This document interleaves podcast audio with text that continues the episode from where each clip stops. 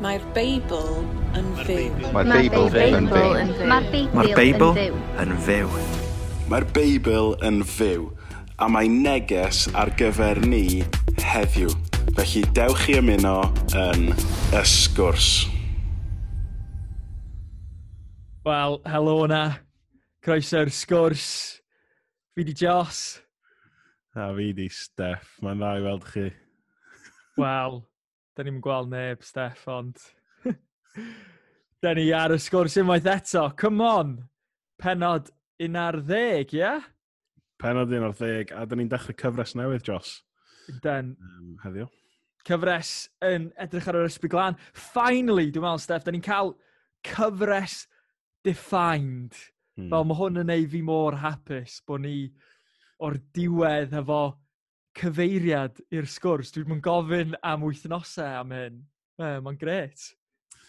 Ie, yeah, dwi'n edrych ymlaen. Um, mae gyda ni pedwar, pedwar prif sesiwn ni'n mynd i edrych ar. Um, ond pwy o wir, falle bydd heina'n digwydd drost nifer o wythnosau. Um, ni'n mynd i edrych ar yr ysbryd glân yn y Beibl.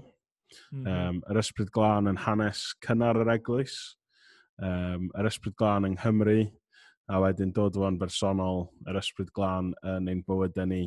A ni'n mynd i cael lot o pobl mewn i sgwrsio efo ni am y peth, mm. um, a rhannu profiadau a, a rhannu fel maen nhw'n gweld um, yr ysbryd ar waith yn y hmm. Beibl mm. a trwy hanes a trwy bywyd. Mm. Dwi'n meddwl mae'n uh, amser timely fod yn sbio ar hwn, um, hefo'n byd a pob dim sy'n mynd ymlaen.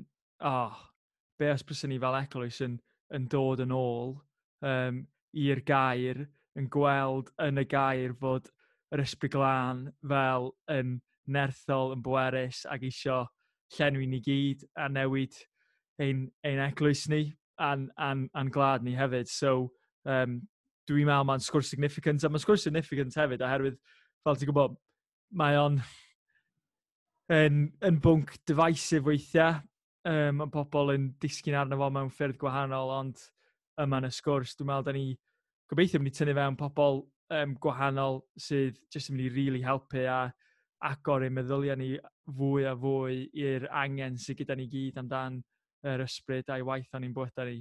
Um, exciting stuff. Ie, yeah, mae hwnna'n pwynt pwysig i fi, Jos, achos dwi'n meddwl achos bod yna gwahaniaeth barn.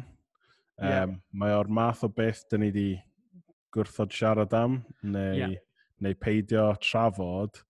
Ac teimlad fi ydy, um, fel byddwn ni'n sgwrsio efo Howell nes ymlaen ydy, kind of, yr adnodau yna pan mae Paul yn mynd i Ephesus, a maen nhw byth di clywed am yr ysbryd glân.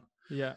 Wel, ni mewn perig o fel bod yn plannu eglwysi ac yn tyfu eglwysi lle mae Cresnogion just ddim yn gwybod be i feddwl am yr ysbryd glân, pwy ydy o, mm a beth mae o'n neud. Ac mm. tio, fel un o'r drindod, um, dwi'n meddwl bydde hwnna'n llwybr peryglus iawn i ni fynd lawr. Ie, yeah, ie. Yeah. Dwi, dwi di really mwynhau gweld chdi'n cael yn passionate amdan, uh, yeah, just yr ysbryd yn, yn ddiweddar. Fel, mae'n teimlo fel, it's one of your big things right now, Steph. Ond nes i just, obviously, adeg Pentecost, nath ni pregethu ar yr ysbryd glân yn dod. Ac um, just gwrando ar pregeth gan mm. Jeff, oedd yn deud, hei, gallwch chi wneud dim byd, mm. ond i bai bod chi'n aros yng Nghyst a Christ yn chi. Mm. Um, so ie, yeah, dwi eisiau cael fy llenwi hefo ysbryd mm. Christ o yeah. ddydd i ddydd. Hei, so be am i ni wneud i mewn? Um, yeah. Mae Howell yn ymuno hefo ni heddiw. Um, ni'n mynd i dechrau heddiw yn edrych ar yr ysbryd yn, y, yn yr hen testament, um, a wedyn yn y sesiwn nesaf byddwn ni'n gweld sut mae rhai o cysgodion yr hen testament i'w gweld yn fwy llawn ac mwy clir yn y testament newydd. So be am i ni fynd draw at Howell? Dwi'n falch bod ni'n cael y sgwrs yma.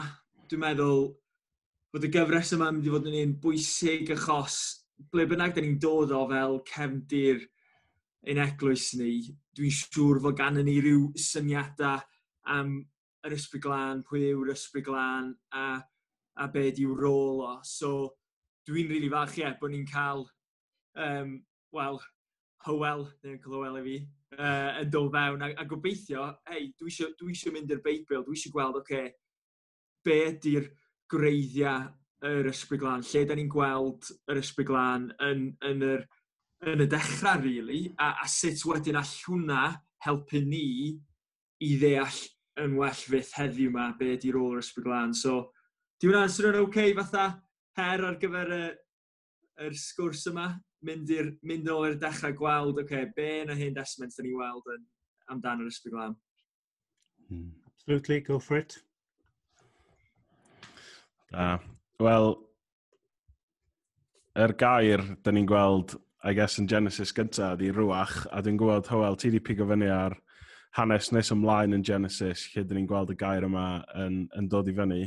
Ti eisiau rhannu hwnna efo ni? Ie, yeah, mae stori, um, falle, anisgwili, os da chi'n sôn am yr ysbrydlani gychwyn, ond o'n i'n gofyn o'r beth yno sy'n help yn Genesis 27, stori, um, da ni'n siŵr fod wedi gael yn ysgol syl neu clwb plant neu rhywbeth, uh, hanes Jacob ac Esau, dau frawd yna oedd yn, yn efeilliad, oedd yn ffrio uh, beth a hefyd. A mae Jacob um, mae'n teisio ar cyfle. Mae'n clywed bod uh, ei dad uh, Isaac yn mynd i fendithio Esau, a mae Esau yn mynd allan i'r maes, mae'n mynd i hela i gael rhyw bryd arbennig i baratoi i'w dad. A mae mam yn troi at Jacob yn gwneud brysia rwan, gwna di fwyd i dy dad yn eithaf dy fendithio di, a mae Jacob a, a, a fam yn, yn cynllwynio. A mae Isaac wrth gwrs wedi mynd yn, yn ddall erbyn hyn. A mae Jacob, twyllwr ydy ystyr enw Jacob, a mae o yn sleu iawn gyda'i fam yn gwisgo dillad esau ac yn rhoi blew gafr ar ei frichiau uh, am gefn i, ddwy, i wddw um, er mwyn twyllo'i dad, chos mae roedd Jacob yn smwdd uh, a mae roedd esau yn flewog a mewn y fo uh, at ei dad. A mae dad yn dweud pwy sy'n na felly, pa un wyt ti? A mae Jacob yn dechrau'r twyll. Esau dy fab hynaf. Na, mae'n dweud dwi eisiau i ti fe'n dithio fi. Mae, mae dad yn drysu sut wyt ti wedi medru gwneud hyn mor sydyn. O, a mae Jacob yn, yn ei deiti'r arglwydd o ddew wnaeth arwain ni ato. Mm. A mae Isaac yn ei alw, tyd yma i mi gael dy gyffod di. Dwi eisiau bod yn siŵr mae esau wyt ti. Felly aeth Jacob at ei dad, oedd yma Isaac yn gafal yn ei law. Llais Jacob, dwi'n ei glywed, meddai, ond dwylo esau ydy'r rhain. Nath o ddim yn nabod uh, y twyll. Mae'n dal i ofyn, mab esau wyt ti go iawn? Wel, ie. A mae'n gofyn am y bwyd, a mae'n dod ar bwyd ato fo. Wedyn dyma Isaac yn dweud, tyr dyma'r hogisan i mi fy mab gaeth Jacob ato a rhoi cusan iddo. A dyma'r darn diddorol. Pan glywodd Isaac yr arygl ar ddillad ei fab, dyma fe'n ei fendithio a dweud, ie, mae fy mab yn aroglu fel y tir mae'r arglwydd wedi fendithio. Ie, yeah, aroglu. Be fysa chi'n dweud yn y de, rwan, Steff, ti'n byw lawr yn y de? Be fysa chi'n dweud am aroglu lawr yn y de? Ie, yeah, mae hwn yn un gair dwi heb ddechrau deud eto, ond mae nhw'n deud... Ma, ta, oedd gennau problem efo'r gogs, oedd yn deud clywed arogl, just methu yeah. deall y concept yna. Yeah. Ond yn y de, maen nhw'n deud gwynto. Neu, dwi'n bo, peth pen llun di hogla. Um... Ie, o'n ni gynnu hoglen pen llun ti'n deud, ie? Ie. Dwi, nes i'n pigo fyny ar cofio'n clywed am wel, yn bala am y tro cynta, rhywun yn clywed arogl, ac o'n i fel, be ar y ddeiar sy'n mynd ymlaen o fama, ond ie. Yeah. Ogled i'n greiau i. Ie, yeah. wel, gwynto, hwnna falle yn ffordd i fewn i ni fan hyn. Mae gennym ni wahanol eiriau yn y Gymraeg dros be da ni'n alw yn, yn sent, ynddo.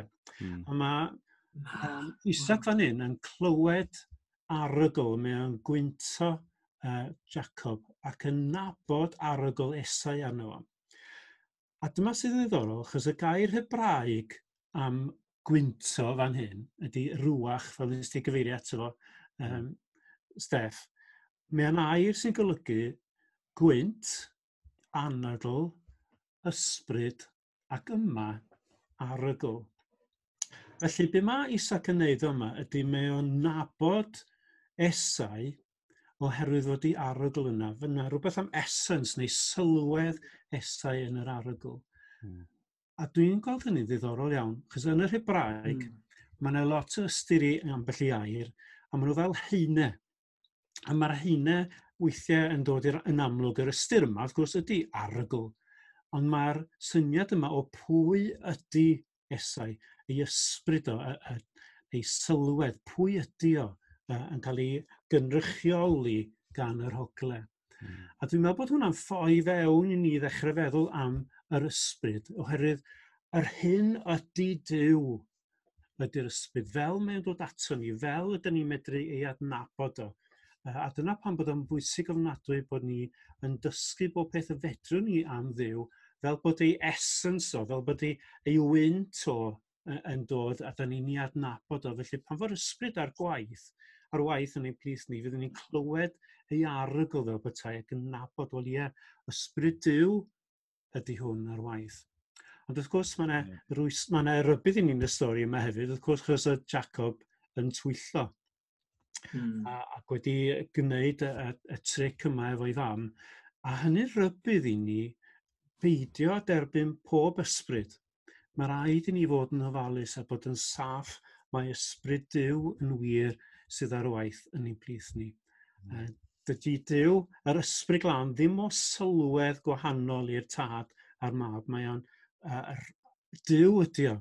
A felly mi da ni yn clywed ei arygl, mi da ni'n ei wynto fo yn ei waith yn ein plith ni. Yr un uh, natur, yr un Dyw, y tri yn un Felly, ni gweld y stori yna yn ffordd i fewn i ni nabod Dyw a mi sylwedd rhywbeth amdano fo'n dod drosodd yn ffordd i ni adnabod Dyw o'r waith yn ein brith ni.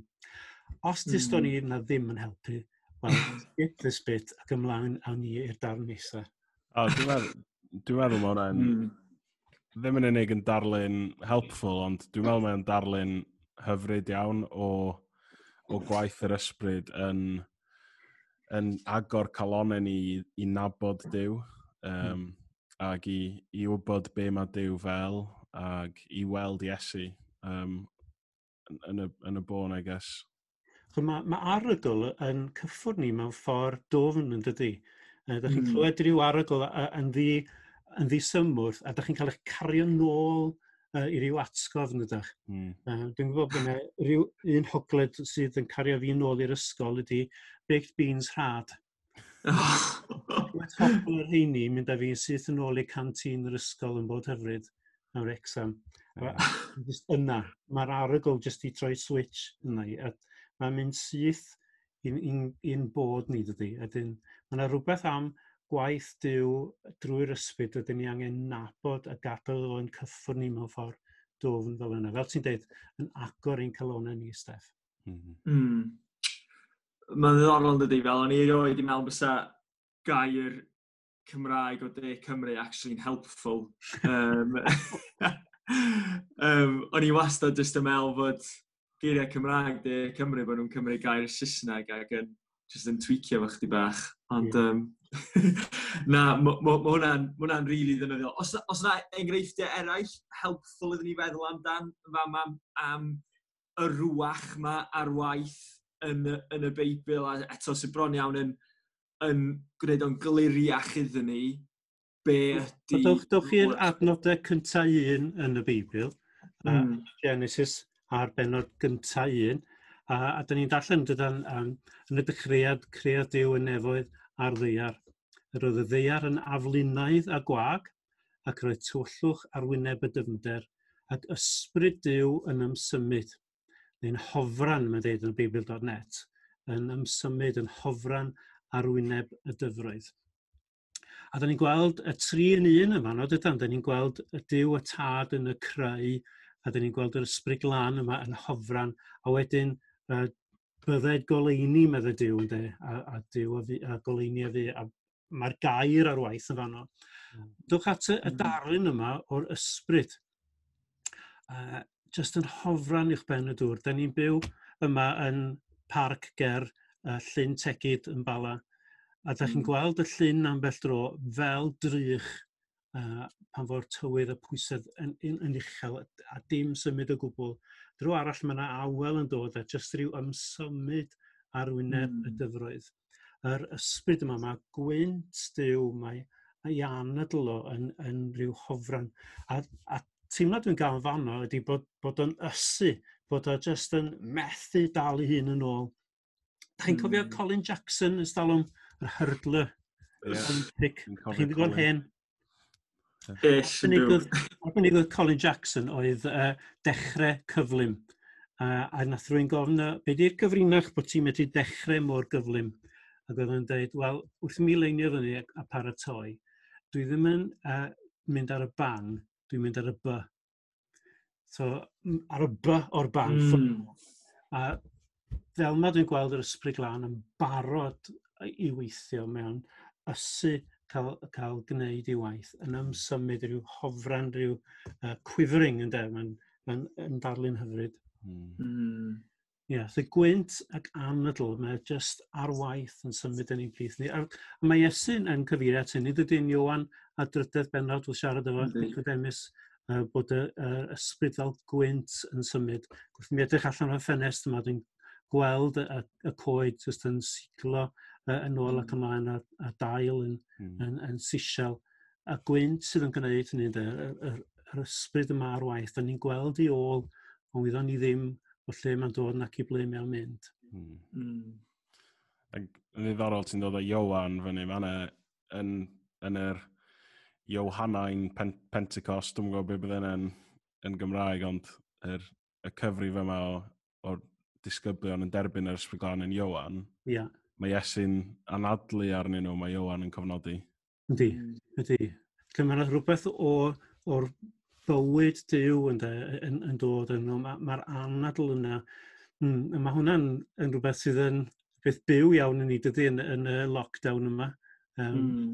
yr, yr anadl yn rhywbeth ydyn ni'n um, hypersensitif iddo fo ar hyn o bryd. Mae ma Dyw am anadlu ei ysbyd yna ni. A mae'r darlun yna, wrth gwrs, yn yr ail benod, o Dyw yn anadlu yn ei, yn ei ffrwynau anadleinius geiriau gwahanol sy'r waith yna, mae'r darlun yr un o dydi bod Dyw yn dod ac yn anadlu ei fywyd i mewn i adda a mae o'n dod yn enaid byw. Mm. Mm. A mae'n mae, mae y ddarlun wedyn yn Esekiel, nid ymlaen, ychydig penod yeah. 37, uh, darlun gweledigaeth yr esgyn sychion. Uh, ac yn fanno mae'r ma, ma proffwyd yma Dyw yn yn ôl ac ymlaen ac yn chwarae ar y gair rwach yma. Um, mm. Mae eisiau anadlu a mae eisiau chwythu a mae'r gwynt y dod ac yn anadlu anadlu mewn i'r esgyn sychion. Uh, a dyma'r arglwydd yn deud wrth Ezekiel proffwyda i'r anadl ddod. Ddyn proffwyda a dweud dyma mae'r arglwydd y meistr ni ddweud tir danadl o'r pedwar gwynt a nadla ar y cyrff yma iddyn nhw ddod yn ôl yn fyw. A mae hwnna yn, yn weddi siawns allan ni weddio y dyddiau yma dydy dros mm. yr esgyn sychion sydd yma yng Nghymru heddiw. De. Bod ni'n yn galw ar i'r gwynt ddod i anadlu bywyd diw yn ôl i mewn um, i gorf Christ yn ein, yn, yn ein gwlad. Mm. O'n i jyst am gofyn, a dwi'n meddwl, ti'n meddwl pico fyny arno fo'n barod yn fanna, sut all fel deall bod yr ysbryd y rwach yma yn, yn wynt ac yn bresennol heddiw'n hofran ac yn ysu. Sut all deall hynna rwan fel dilynwyr Iesu bod o anogaeth iddyn ni? Hmm. Wel, meddyliwch am y cyfyngder da ni'n mynd drwyddi ar hyn o bryd. Uh, Mae'r ma feirws yma dydy yn respiratory disease mm. ac yn effeithio ar y corff uh, ac yn wneud anadlu yn, yn, yn beth anodd uh, a mae'n stres ofnadwy, da ni'n mynd drwyddi ar hyn o bryd yn dydy, ond, ond meddyliwch mor bwysig ydy'r anadl i'r corff. Mm. Um, mor bwysig ydy bod yr ysbryd yn ein plith ni.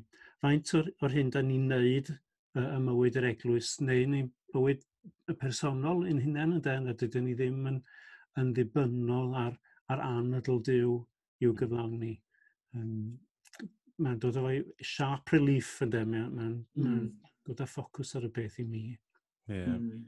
A dyna, dyna ni'n pregethu ar wythnos diwetha yn ffynon fel yr angen i cael ein llenwi ar ysbryd glân.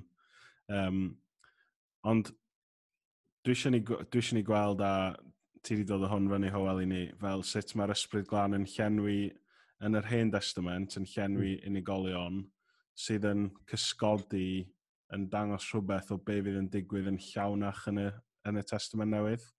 Um, be mynd i cerdded trwy rei o'r rhain? Ia, yeah, no. Mm. Um, Wel, da ni'n gweld yn Exodus 31, um, adnod 2 a 4. Hon hynny'n uh, falle fyddech chi di ddarllen wrth darllen drwy'r Beibl a, a ddim wedi aros dros fo, achos mae'n rhyw ddarn mm falle lle mynd a lot o ailadrodd a ydych chi jyst yn skimio trwy ddo fo. Mm. Um, a actually mae hwn yn eitha amazing dyd y gwir. Um, so rwy'n darllen y dwy adnod cyntaf yna i ni. Jos, ti'n gwybod bod gennych chi feiblau handi. Definitely, mae gennych fy... Cut, the, cut. Fy ffôn. Um, typical millennial. Iawn. So, adnodau 2 i 4, ie? Yeah? 2 i 5. I 5, iawn. Dwi wedi dewis Betsalel, Mab Wri ac Wyr i Hir o Lwyth Juda. Dwi wedi lenwi ag ysbryd Dyw i roi dawn, deall a gallu iddo a i wneud yn feistr ym mhob crefft, i wneud pethau hardd allan o air, arian a ffres, i dorri a gosod gemwaith, i gerfio coed a phob math o waith crefft arall. Beth ydych chi'ch dau yn gweld yn yr adnodau yna? Falle fych chi'n di-sylwi arno o blaen. Dwi'n gweld yn adnod tri yn fanna. Um, mae Arfon yn di rhoi yn Beibl.net yn fanna. Dwi wedi lenwi ag ysbryd glân. Er, Wel, ysbryd dew, sori, ag ysbryd dew i, i roi dawn deall y gallu ddo. So bod na, bod na llenwi er mwyn pwrpas, bron iawn. Ie. Yeah. Steff, beth ti'n weld yna? Ie, yeah, dwi'n meddwl, pig o fyny ar beth Joss yn dweud fan fel um, yr occurrence cyntaf yma, bod o'n i rhywbeth fel creadigol, so, byddwn ni'n disgwyl mm. bod o hmm. i rhyw fel, i ryw bregeth arbennig neu ond i just dawn crefft a rhywbeth creadigol. Mm. Yeah. Mae ma rhywbeth falle fysa ni'n di meddwl amdano, dydy? Fysa mm. chi jyst yn chwilio am rhywun sydd â dawn naturiol i wneud y pethau yma, uh, dy ddim yn um, llenwi o i fynd i genhadu, dy ddim yn llenwi o i fynd i ysgrifennu llythyr at yr effesiad neu dim byd felly, ond literally i wneud gwaith coed, uh, i wneud gwaith air, arian a ffres, yn mm. literally da, i wneud y tabernacl, i wneud y pabell oedd Dyw am ddod i drigo yno. A, a dwi'n meddwl bod y, y, y darlun yna bod Dyw yn ei lenwio i wneud gwaith creadigol sydd yn, yn mewn rhyw fath o ddyrchafu uh, helfyddydau yn hynny o beth, yn dydy? Mm. Dyrchafu y, y darlun yma o ti'n gweithio efo dy ddwylo i addoli diw. Mae hyn ydy gwaith dy law yn rhan o dy offrwm iddo. A dwi'n gweld a chydig benodau nes ymlaen, bron bod o fatha ailadrodd, ond bod o'n newid uh, ac ystrawen ac yn dweud, a llanwodd Dyw bysalel Fabwri i fel y fel, fel y fel. A mae bron bod o jyst yn newid o dwi am wneud i a mi nath o, a mae'r gwaith wedyn yn, yn, yn ei blesio fo. Mm. A, a hyn atgoffa fi wedyn o'r adnodau yn cyntaf Corinthiad. Mae amrywiaeth doniau, ond yr un ysbryd sy'n ei rhoi. Ac iddo wneud y gwaith, yn dweud, chi sylwi mae Dyw yn ei lenwi ag ysbryd Dyw a doethineb a deall a gwybodaeth a phob rhyw ddawn. Um, felly mae'r doniau yma'n dod o ddi wrth ddiw. So, da ni'n ni, ni gweld rhywbeth penodol fama yn uh, Exodus, ond mae'n dod yn llawnach i ni mm. yn, yn, y Testament Newydd yn cyntaf Corinthiad. Um, mm. Y doniau yma, mae'r ma ysbryd am ei roi i ni. Mm.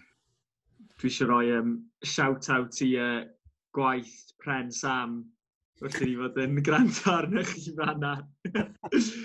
Amazing yn fel bod Dew yn donio ni, a, a, a, a bod o'n adlywyrchiad ohono fo fel bod Dew yn ddew creadigol a mae o'n rhoi ysbryd o ynom ni i, i fod, i, i adlywyrchu fo trwy fod yn greadigol yn hynny. Ie. Yeah. Meddylwch am hyn rwan i ni rwan, um, siarad wrthych chi millennials wan, right? Back in the day, pan o'n i'n ifanc ac yn poeni ac yn pryderu be dwi fod i wneud, be mae Dyw eisiau fi wneud ar fy mywyd ac yn y blaen. A ffasiwn stres ydy ti gweithio hynny allan a ceisio cael arweiniad gan ddew a, a da chi'n eisiau gwneud misteg rhag ond bod chi'n ffeindio chi'n ar y tywydd anghywir. Wel, sbiwch chi ar, ar hanes, jyst chydig adnodau am y dyn yma, uh, na does ddim sôn amdano fo, dim ond yn, yn fan hyn, um, mae Dyw yn cymryd dyn oedd yn medru gwneud y pethau yma. Pethau oedd o'n dda i gwneud ac yn ei comisiynu fo i wneud hynny. A dwi'n meddwl weithiau bod ni angen meddwl, wel, be dwi'n medru wneud? Be dwi'n dda i wneud? A wir, be dwi'n fwynhau i wneud? Mm. Chos fel yna mae Dyw wedi'ch creu chi. A be mae o'n dymuno i wneud ydy sancteiddio yr hyn mae o wedi wneud cael gwared o'r rough edges, cael mhm. gwared o'r elfennau uh, pechadurus ac yn y blaen, a'r elfennau lle da ni falle yn bwydo yn chwantau ni, iddo cael ei gyflwyno yn offrwm sanctaidd a derbyniol ger ei fron. Um, Byddai'n bywyd ni wedyn yn dod yn offrwm. So meddyliwch yn hytrach na, na be dwi wedi wneud efo fy mywyd, meddyliwch am well, pwy ydw i, be dwi'n dda i wneud, be dwi'n wynhau i wneud. Ac os ydych chi'n gwneud hwnna i gorech gallu a, a yn cael eich llenwi ag ysbryd diw i wneud o, wel mae hynny'n dwi'n gogoniant yn ôl dydy. Mae yna rhan hmm. o'r hen confession ynddo. Di ben pennaf dyn ydyw gogoneddu diw a'i fwynhau byth y gyndragwydd. Mm. O, be da chi'n dda yn ei wneud, gnewch o. Mm.